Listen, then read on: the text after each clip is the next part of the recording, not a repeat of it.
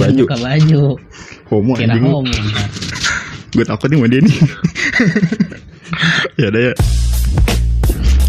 Yuk kembali lagi bersama gue dengan Irfan Yes. dan teman dan partner gue. Siapa namanya? Panji Satria. Panala oke. Kali kan ini kita udah dua episode. Gak usah nanya nama gue lagi. Biar asik aja. Oke oke. Oke kali ini gue bakal ngebahas tentang yang menarik banget nih bro. Keren banget sih. Apa tuh? soal yang namanya studentpreneurship wes keren nih kata-katanya. Iya studentpreneurship ada plannernya kayaknya apa? bisnis nih ya? Iya bisnis sih.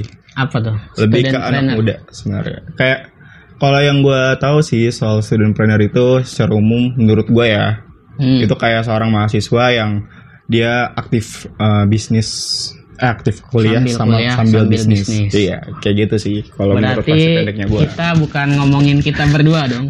Iya. Karena kuliah kita aja masih berantakan. Ditambah bisnis makin berantakan. Gak usah diperjelas dong bro. Berarti ada bintang tamu lain nih? Iya, betulan ada bintang tamu yang spesial banget nih, ya kan? Dia, pertama kali kita hmm, bertiga nih ya di podcast ini. Iya untuk pertama kalinya. Ya udah, Dan, kenalin. Ah, oke. Jadi ini teman gue, salah satu teman gue, Hmm. dia eh, buat salah satu startup di kampus gue, yang Ah. di mana itu udah, ya udah terkenal lah di situ gitu. asik Banyak orang tahu si teman gue ini, dia Siap, siap, populer siap. di situ sih. Nggak usah basa-basa lagi, gue sambut Andrew Henderson. Gitu. Halo Andrew. halo bro Halo. Jangan diem aja, Bapak. wah tidur bintang tamu Bapak jangan tidur, ya kan? lu kelamaan sih nih. openingnya bener kan Buat panjangin durasi, coy, ya kan? Biar orang Heeh. adsense lancar mana ada asen. Halo, Andrew. Iya, teman gue dan Yo, halo, halo. hmm, semester 1 Najib semester 1 tambah 2 iya benar sekali, nggak usah diperjelas. terus apa lagi? ya Terus, terus buka, buka terus, ya. ya perkenalkan diri lo ini, Bro. Aib dari Ah, jadi nama gue Andrew Henderson yoi. oke gue seorang mahasiswa di kampus swasta. Hmm, sebut aja nggak apa-apa bro. Sebut aja bro. Di UMN UMN. Multimedia Nusantara semoga ini bisa klaim SKKN juga ya. Amin amin. Lumayan perhatian masyarakat gue masih kurang. Dan gue itu adalah Eh. founder dan CEO dari startup yang namanya Explorin. Jadi Eh. Explorin itu eh, menyediakan jasa untuk membantu UMKM dan para penjual Indonesia untuk memiliki akses untuk ekspor ke luar negeri Hmm, singkatnya begitu singkatnya Oke. gitu. Oke, sebelum gua lanjut ke eh, bisnis lo nih, Bro. hmm. Hmm. Lu kan kuliah nih, ya kan di kuliah swasta, ya kan UMN.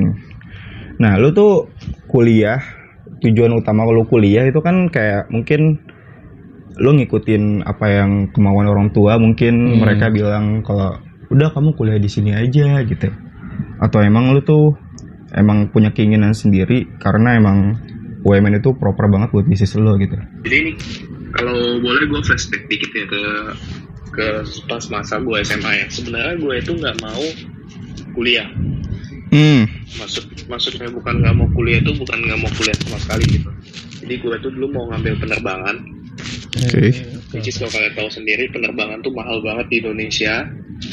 Benar benar ya sekitar ratusan juta ke atas dan itu harus dibayar langsung dan itu agak memberatkan sih iya. dari Oke. masalah finansial itu. Terus di saat itu juga gue mikir kayak ya udahlah kalau cita-cita nggak tercapai yang penting gue punya goal nih.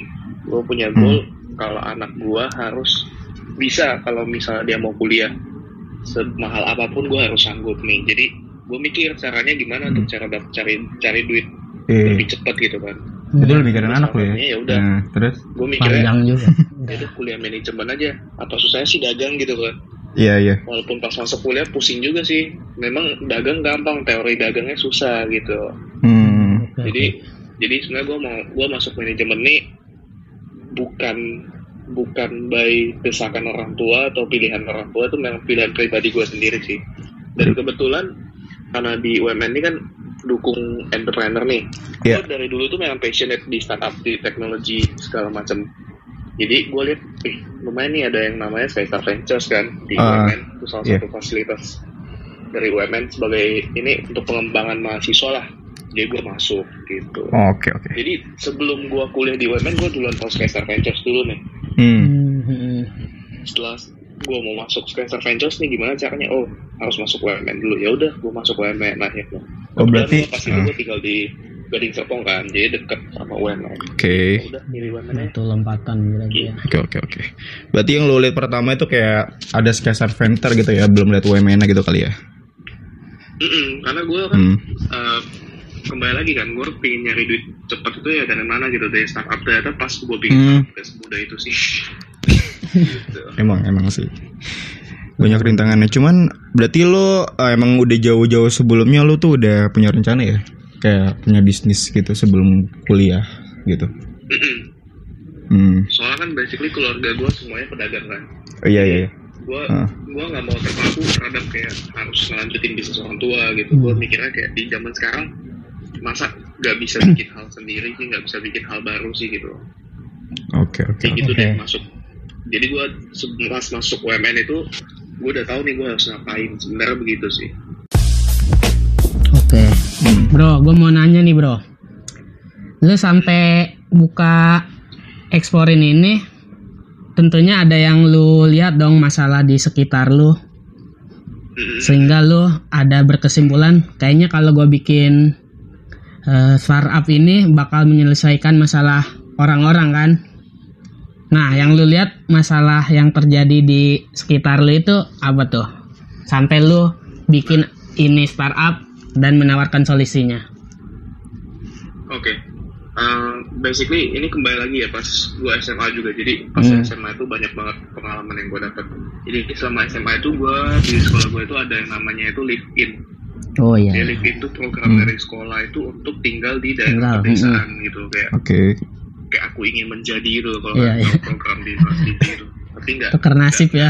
gitu lah iya tukar Iya, nasib, jadi tapi bukan susah juga. juga sih Hmm. Kayak ikut merasakan Iya, gitu. maksudnya kan. kayak mm-mm, refreshing gitu ke kampung. Hmm. Jadi kebetulan gue tinggal di salah satu eh, rumah.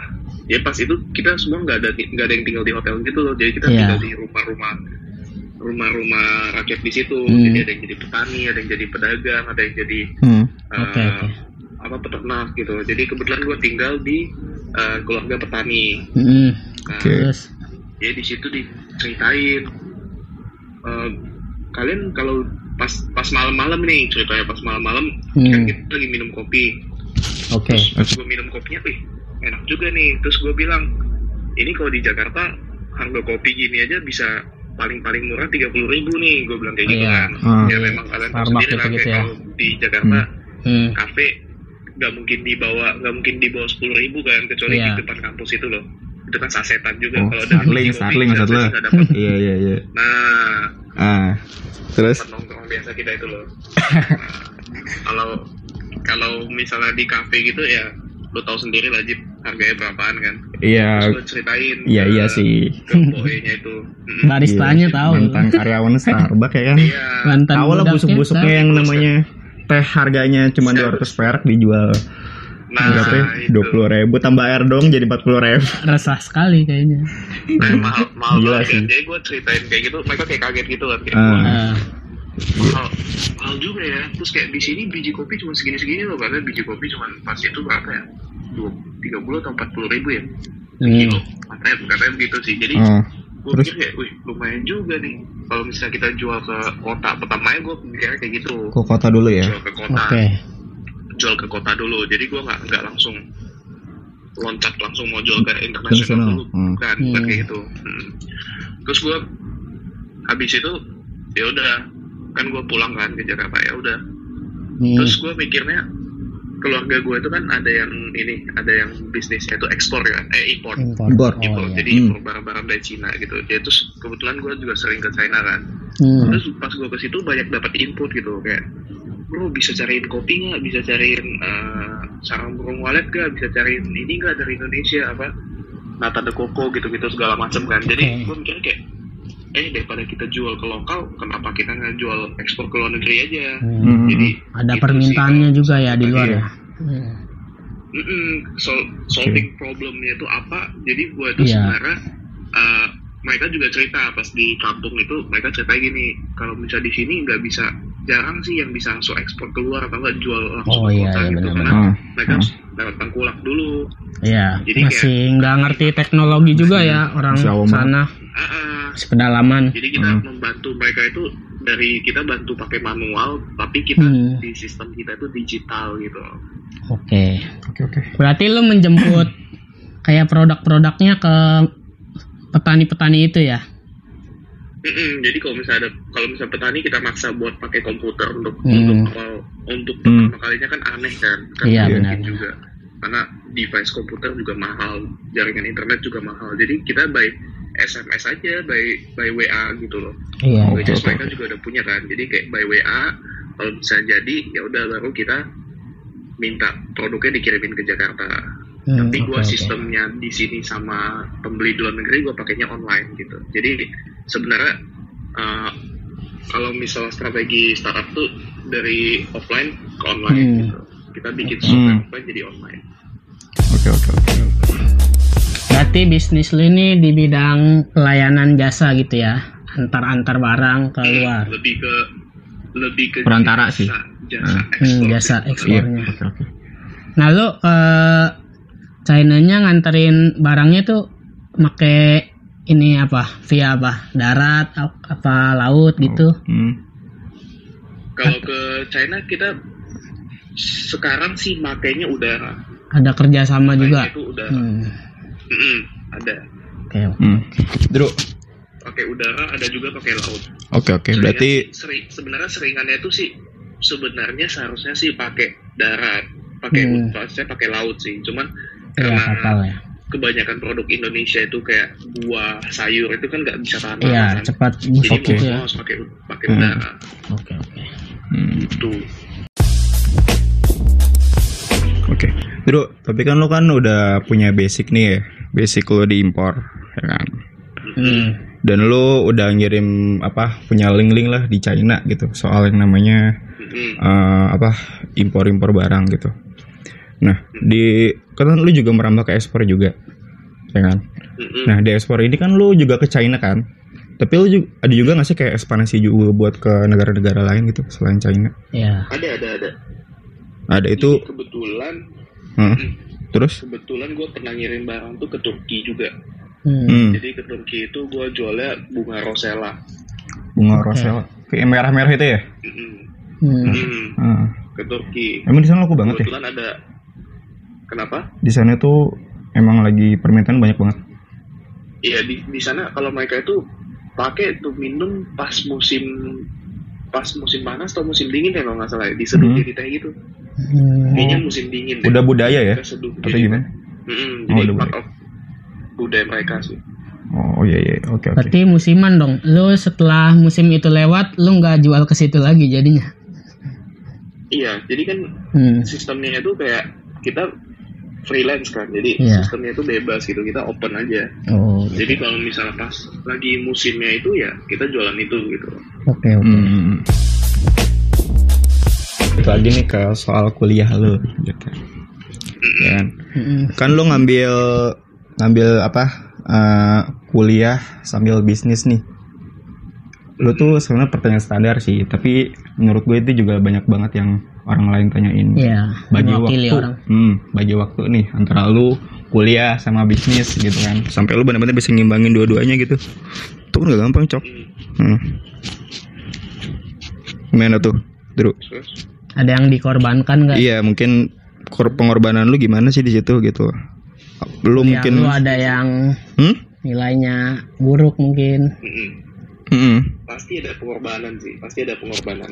Hmm. Karena waktu kan semua manusia yang terbatas kan 24 jam gitu. Iya. Iya.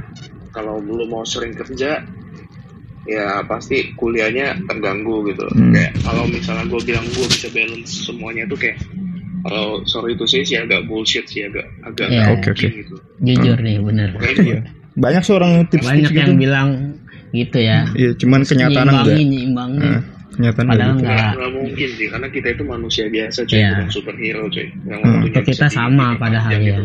Iya, pokoknya intinya sama nah, nggak nggak mungkin Hmm. intinya kalau di gua kalau di gua sendiri itu gini kayak ya udah kuliah yang penting kuliah gitu kayak sebenarnya Hmm. kuliah itu kan intinya bersosialisasi sih nyari temen sih yang penting hmm, itunya dapat aja kalau Oke. secara ilmu teori ekonomi mah maksudnya kayak kita juga bisa belajar di lapangan Hmm. gitu loh Oke, terus juga nyambung juga nih sama tadi soal lo kayak nyari-nyari temen gitu. Nah, di kuliah juga lo kan nggak cuma dapat gelar sarjana dong, ya kan?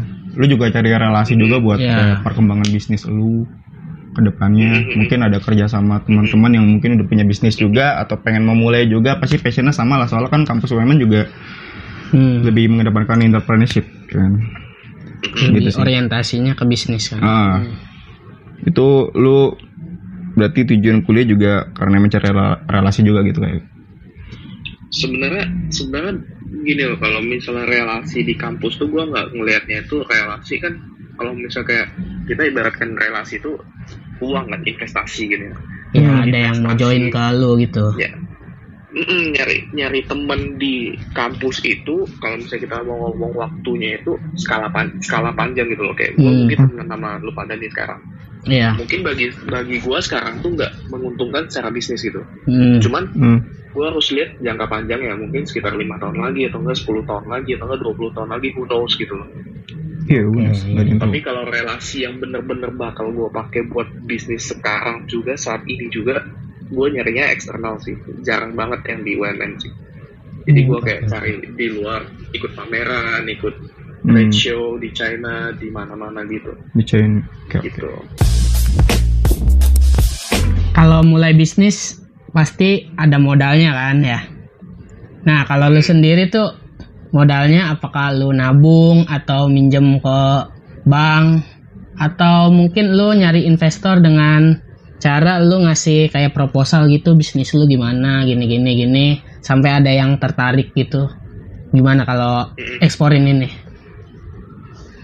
Kalau di eksplorin sendiri sebenarnya ini banyak banyak terjadi di startup ya. Jadi Hmm. kan kebanyakan pertama itu foundernya pasti muda. Iya benar. Muda Ah. which is penghasilan minimum kan. Hmm. Hmm.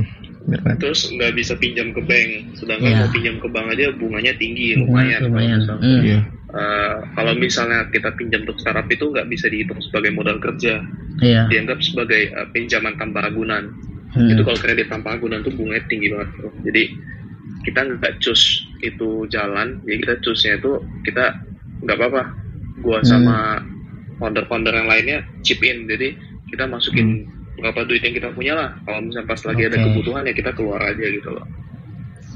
Dan kita juga kan karena kita disu kita disupport sama Skystar Ventures Skystar. nih jadi Hmm. banyak membantu sih terutama di networking kayak gua baru dikirim ke Saudi tahun lalu oke itu semuanya Oke. ditanggung sih jadi hotel uh, Hmm. Hmm. hotel uh, tiket pesawat terus makan itu semuanya Oke, ditanggung semua diakomodasi ya. Keren juga ya. semua diakomodasi Bagus. Keren, pas keren, gua ke. Filipina juga kayak gitu kalau di Filipina Hmm.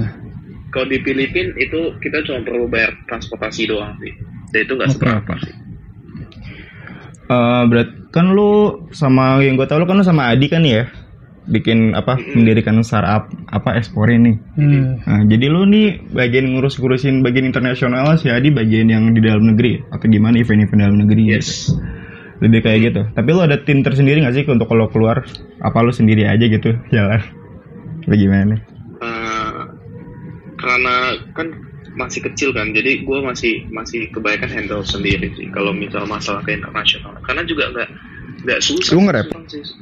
sebenarnya yang susah itu di lokalnya Lokalnya. di lokal lebih susah Kenapa kalau di luar negeri itu gampang sebenarnya Hmm. sangat sangat sangat sangat gampang lah Hmm. kalau misalnya di di lokal kan lu kadang ketemu petani yang produknya A produknya B spesifikasinya A spesifikasinya B kan susah Oh, standarnya Hmm. masih nggak sama ya Kalau antar dari- daerah.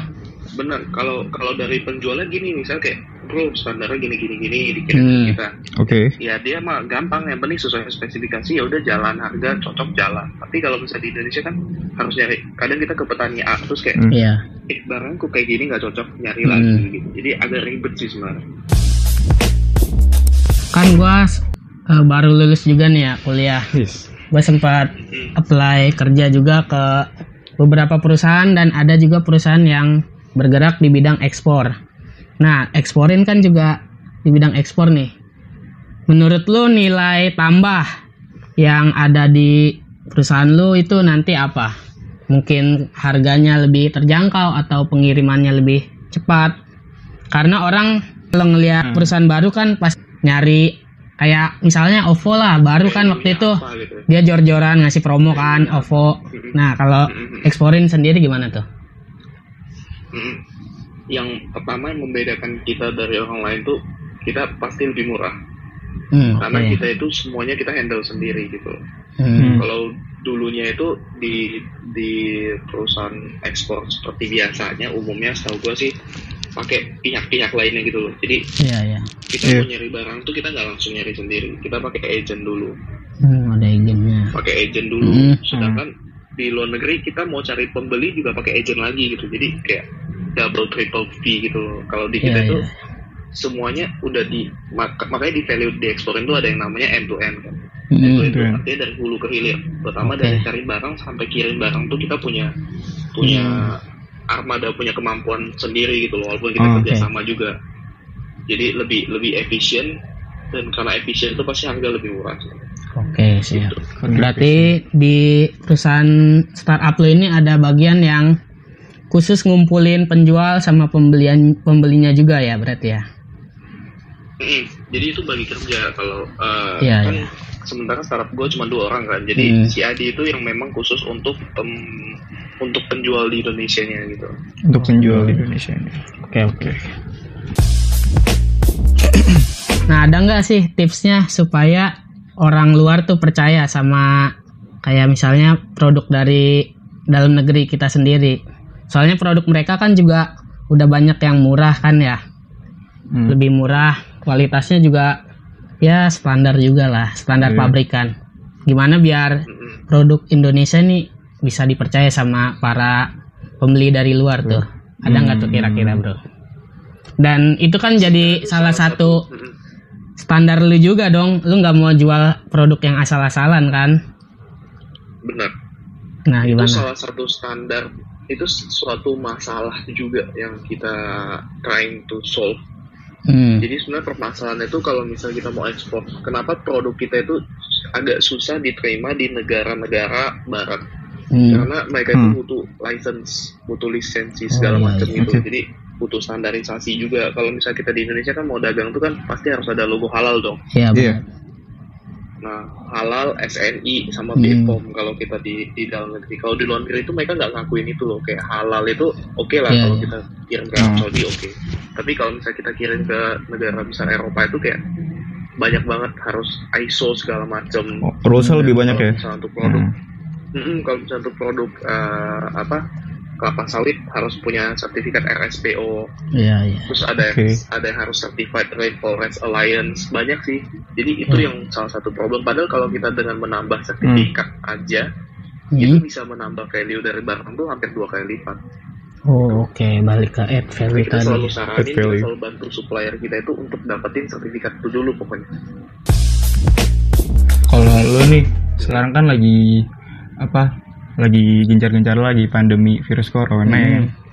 Lu kan ngirim barang-barang China nih. Orang-orang kan pasti kalau dari barang Cina itu kan apa ya? wah takut kena nih Iya. ketularan apa lu kan juga impor kan juga. Nah, Iya, maksud gue kayak bisnis lu pasti bakal kehambat banget gara-gara orang tuh sekarang mandang barang gitu Cina ya. tuh terlalu Hmm. insecure gitu loh. Iya gak sih? Be- Bener. Dan Hmm. data import dan ekspor Indonesia aja menurun drastis kok. Jadi Iya, memang defisit sih. karena pandemi ini semuanya terdampak sih. Sebenarnya bukan karena takut. Sebenarnya bukan Hmm. karena takut karena coronanya sih. Kan kalau misalnya by standar WHO itu corona bisa bertahan tiga hari kan. iya Iya sih. Produk kalau pakai kontainer dari China ke Indonesia aja butuh 30 hari. Iya. Hmm. Tapi kan orang Indonesia eh, nggak mau tahu. akhirnya nggak sampai ke Iya. situ ya Ilmunya terlalu ya nggak baca. padahal di jalan udah habis waktu buat Mm. virusnya. Ah. kan sebenarnya kan Hmm. Iya iya. tapi iya. menurut gue itu itu bukan problem sih yang problem utamanya itu itu sih gue nggak terlalu takut yang takutnya Hmm, itu eh, ekonomi melemah sih jadi Oh daya beli daya masyarakatnya uang, sendiri ya. daya beli menurun Hmm, iya iya itu sih. itu yang itu yang berdampak ke kita berdampak banget sih gitu Hmm. Oke oke oke. karena yang di, di kita itu juga bukan per, per individu kan jadi gue nggak perlu Iya, iya. ngurus banyak hal gitu jadi gue jualnya ke perusahaan jadi Oh iya iya. nanganin komplain uh, ke retail ke individualnya itu ya si Perusahaan. barang Hmm. dari Hmm. gitu jadi gua nggak nggak nggak selalu menghadapi masalah itu sih Hmm. nggak selalu berdampak di gua Oke, lu selain investasi ke perusahaan lu sendiri, si Bewok juga ngasih lihat fit lu nih. Lu ada kayak sharing-sharing investasi di bidang lain tuh, Bro. Nah. Iya enggak tuh? Mm-mm. Nah, itu berarti sebagian dari modal lu nggak lu 100%in ke eksporin ini berarti ya? enggak enggak Oke. Kenapa tuh? Pertimbangannya apa? karena gini bu, bukannya bukannya nggak men, bukannya nggak yakin sama startup sendiri ya tapi Mm-mm. Kita itu kan pasti punya sisi namanya manusia pasti punya Ya. ketakutan kan Ketakutan. jadi Iya. untuk mengurangi resiko sebenarnya kalau startup itu kan high risk high return gitu Iya, benar. kalau investnya berhasil ya wah Meledak. Iya. Kayak Bukan Gojek gitulah ya. langsung. Hmm. Hmm. Mm, langsung triliunan miliaran gitu Benar. even startup startup baru aja sekarang udah pada ratusan miliar ratusan miliar gitu Iya. apalagi startup ekspor yang marketnya luar biasa gede Benar. kamu bisa Oke, serve oke. 7 miliar Global orang gitu iya. kalau Gojek Hmm. kan paling bisa serve 200 juta orang di Indonesia Hmm. gitu Hmm. tapi ya kembali lagi high risk high return tuh membuat gue juga tanda kutip sedikit takut sih jadi Oke. gue juga ada invest di perusahaan yang lebih lebih proven lebih aman lebih Hmm. terjamin untuk Hmm. karena gue kan perlu save untuk masa Iya. tua gue dong Di saat ini lu turun ada yang naik lah seenggaknya gitu ya. Biar ngimbangin kan. Mm-mm.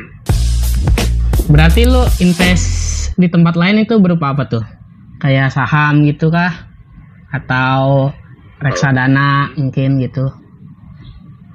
kalau gue kalau misalnya bisa dibilang gue itu sudah udah super diverse sih jadi terlalu udah terlalu meluas sih jadi kayak reksadana juga ada saham juga Oh, ada iya. obligasi juga ada deposito Hmm. juga ada tabungan juga ada jadi kayak produknya itu udah udah banyak. Macem-macem ya. Macam-macam. Ya sih itu salah satu manajemen resiko kan mecahin ke segala Hmm. macam ya. Jangan taruh telur ke satu keranjang ya. Bagus benar. Bahasa lo canggih. Berarti Suka duka bisnis lu tuh yang paling bener-bener sekarang jadi problem itu apa sih, Dru? nah itu tuh. Suka dukanya tuh. Iya, suka duka lu sambil kuliah gitu. Kan gue bayangin suka duka gue kerja sama. duka semua. Kagak. bagi duka sama Najib aja sukanya nggak usah bagi ke Adi aja sukanya Oh iya. dukanya bagi ke Najib kan Iya. selalu bareng kan Jib Kenapa? Hah? ngulang selalu bareng Oh iya. iya sih. Janjian mulan. gitu selalu bareng dan lu dan Adi kan udah bertiga aja. Sebenarnya suka dukanya itu sama sih kayak orang yang mungkin lu juga ngerasain sih Jib. jadi kalau di kelas Hmm. itu lu merasa kayak nggak connect sama teman-teman di kelas lu ya Iya, soalnya kan gue lompat-lompat kan. Kayak 2017, nah sama 2015. lompat-lompat terus pemikiran lu juga udah beda gitu Oh, gue ketemu orang baru lagi, ketemu orang baru lagi gitu kan. Hmm. Pusing juga. Iya, iya, iya. gue harus kuliah lulus tepat waktu gitu nilai paling tinggi IP 4 kalau bisa Waduh, enggak sih, 10 IP gua- 10 gitu Tapi lu nggak, kalau di kita itu kan kalau kita itu kan lebih mikir kayak gue harus ngapain gitu besok kan Iya, harus iya. Iya. bisnis apa harus inovasi apa harus kerja apa lagi gitu tapi lu kuliah itu nggak terlalu mikirin kayak, wah nanti IPK IPK gue berat gini gini gini. Yang penting emang gue lulus aja udah lah ya. Yang penting kayak gue lebih fokus Eh, bisnis yang, gitu. yang penting lulus aja sih kalau gue segitu Gitu, Simpel mungkin aja. salah ya mungkin salah mungkin salah Karena dia Iya. udah ada yang bakal difokusin Iya, dia punya basic gitu kan. Gak ada masalah sih. Iya. kan di saat di saat Hmm. orang ngerjain tugas finance kan gue Mm-mm. bantu lu hafalin berapa shot berapa shot Oh iya, iya juga ya waktu pertama kali gue kerja. Iya. berapa pam berapa pam Bantu gue nih waktu gue Iya. training barista ya kan. Tapi lu jadi tahu resep rahasianya Starbucks, coy. Lu nggak ini apa? Gua, Hah? sampai gua dikirain ini loh manajer Starbucks SMS dia Kenapa? pada tanyain ke gua Eh, Hmm. itu Starbucks SMS punya lu ya kok ngetesin Najib di kelas gua bilang kagak lah bantuin teman hafal doang ya kali kaya banget bisa punya Starbucks di SMS kan eh, itu juga nggak bisa franchise ya kan nggak ada pemilik pemilik toko nggak ada. Terakhir nih, Hmm, ada terakhir ya. saran buat yang masih kuliah tapi pengen mulai bisnis. Entah apa pun itu startup atau bisnis online Hmm. Basic. atau apa pun. Pertama coba aja dulu sih just do it aja ya. pertama itu sih yang penting yang penting Hmm. just do it aja karena dengan lu duit itu lu tahu Hmm. gitu lu harus nyerah lu harus coba Iya. kembali lu harus Oke. ngulang lu harus apa pun step Hmm. berikutnya harus dimulai dengan mulai dulu kan Berarti cara Bisa cara mulai lu hmm. gimana bisa tahu laku Hmm. atau enggak gitu berarti cara cara untuk memulai bisnis itu akan lu akan tahu sendiri gitu loh dengan memulai gitu ya. Iya yang penting lu harus memulai dulu dengan lu memulai Iya lu sih. tahu gimana gimana mengakhirinya Hmm. gitu Banyak banyak kan orang banyak teori ya kan. Iya, Gini biasanya loh step by stepnya orang tapi takut di jalannya awal tempat. wah rugi gitu-gitu. Iya. Cara biar nggak takut rugi itu gimana tuh? sebenarnya kalau misalnya mau dibilang rasa takut hilang juga terlalu ekstrim sih ya cuman Hmm. menurut gue tuh kayak uh, bisa bisa lebih di Meminimalisir Rasionalisasi gitu lah ya. Kalau gue sih lebih mikirnya dirasionalisasi gitu loh kayak Hmm. lu kerja Hmm. seumur hidup lu di tempat orang lain oke kayak it's good daripada daripada lu nggak ngapa-ngapain kan tapi kayak lu masa mau jadi jadi tanda kutip kayak membantu orang mencapai mimpi loh Iya. kayak kan misalnya bos itu punya mimpi nih kayak misalnya dia mau beli mobil mewah Iya. lu itu lu itu bantuin dia Bantu, sebenarnya lu bantuin dia iya. buat Bantuin dia. dia itu loh Hmm. kenapa lu nggak mau berkorban satu dua tahun Buat atau mimpi sendiri. lima Hmm. tahun side hustle gitu lu bangun mimpi lu sendiri gitu jadi kayak Benar, mimpi lu itu ya Hmm. tergantung gimana lu ngebuildnya masa lu mau jadi tanda kutip eh, sorry itu saya kayak budak gitu kan untuk 40 Iya. tahun sedangkan lu nggak mau Iya sih. berkorban lima tahun ya Hmm. dan hidup lu untuk mencapai goal lu sendiri gitu loh Iya, monoton banget sih hidup kayak gitu. Lu udah bangun mimpi lu belum kok? Ah, Lu udah bangun mimpi lu belum? banyak. Cuman belum belum belum gerak aja, belum gerak. Eh tuh just do it Masih katanya. gua. Ah. Gerak kita dulu. kerja sama kafe gitu Oh iya. Bisa, wih. tapi kan ya corona masih lama, Cok. Susah juga Nanti gue rilis vaksinnya segera ya. vaksinnya udah gue temuin nih di laci gue, cuma belum mau gue lepas ya. Oh gitu. Masih dagang masker dulu gue, iya. Berarti numpuk lu ya, numpukin masker sekarang. Iya, numpukin masker. Set- gitu. set jobnya itu. Mabuk dah itu. Usaha sampingannya. Masker. Sampingan gue itu ya itu, jualan alkohol. Iya, berhenti berhenti dulu ekspor impor ya kan. Sekarang nyetok dulu masker. Iya, nggak mabuk diakui gitu ya. Ketok Amer juga berarti deh. Amer dia mah anak, anu mah anak baik-baik dia mah. Dia mah amboka sambung ngaro saya lah lu mah ya. Anjay. Bukan mah Amer lu mah. Iya. Mabuk ya? Bikin mabuk itu emang. coba minum dah. Iya, Bikin efeknya sama. Sama efeknya. Sama sumpah. kayak ganja itu dia. Kagak. Bikin nge-fly. Ganja bikin ketagihan. Iya, minum. Pantes pada doyan orang Turki. Iya, seenggaknya lebih baik lah daripada nggak minum Hmm. alkohol. Kayak lu tiap hari ya kan. Ya udah nih, Bro. Thank you nih ya. Lu udah Yo, ngeluangin thank waktu you, buat kita ya dari kesibukan lu yang ya, warahmatullahi wabarakatuh. belum selesai. Hei, Oh, belum ngomong jangan gua. lupa pilih, jangan Eh. lupa pilih saya. Setuju. Oh ketua BEM nih ceritanya.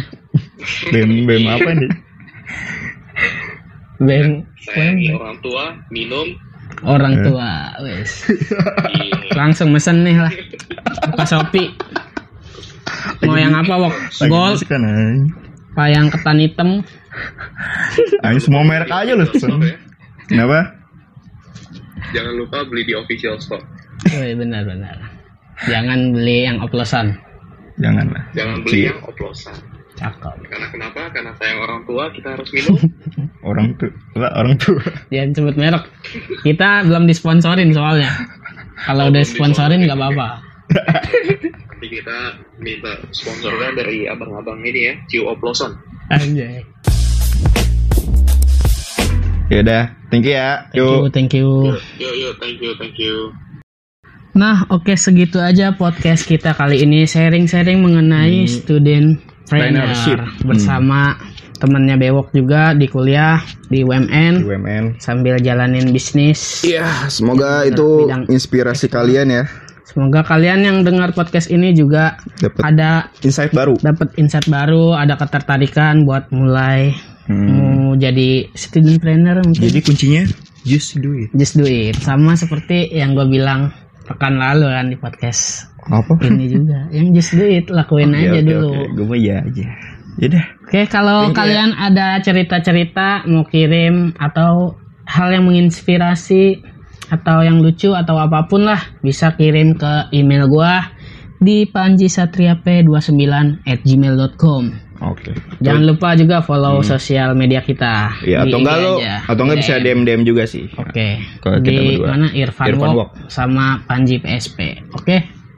Sampai jumpa di podcast selanjutnya. You. Bye.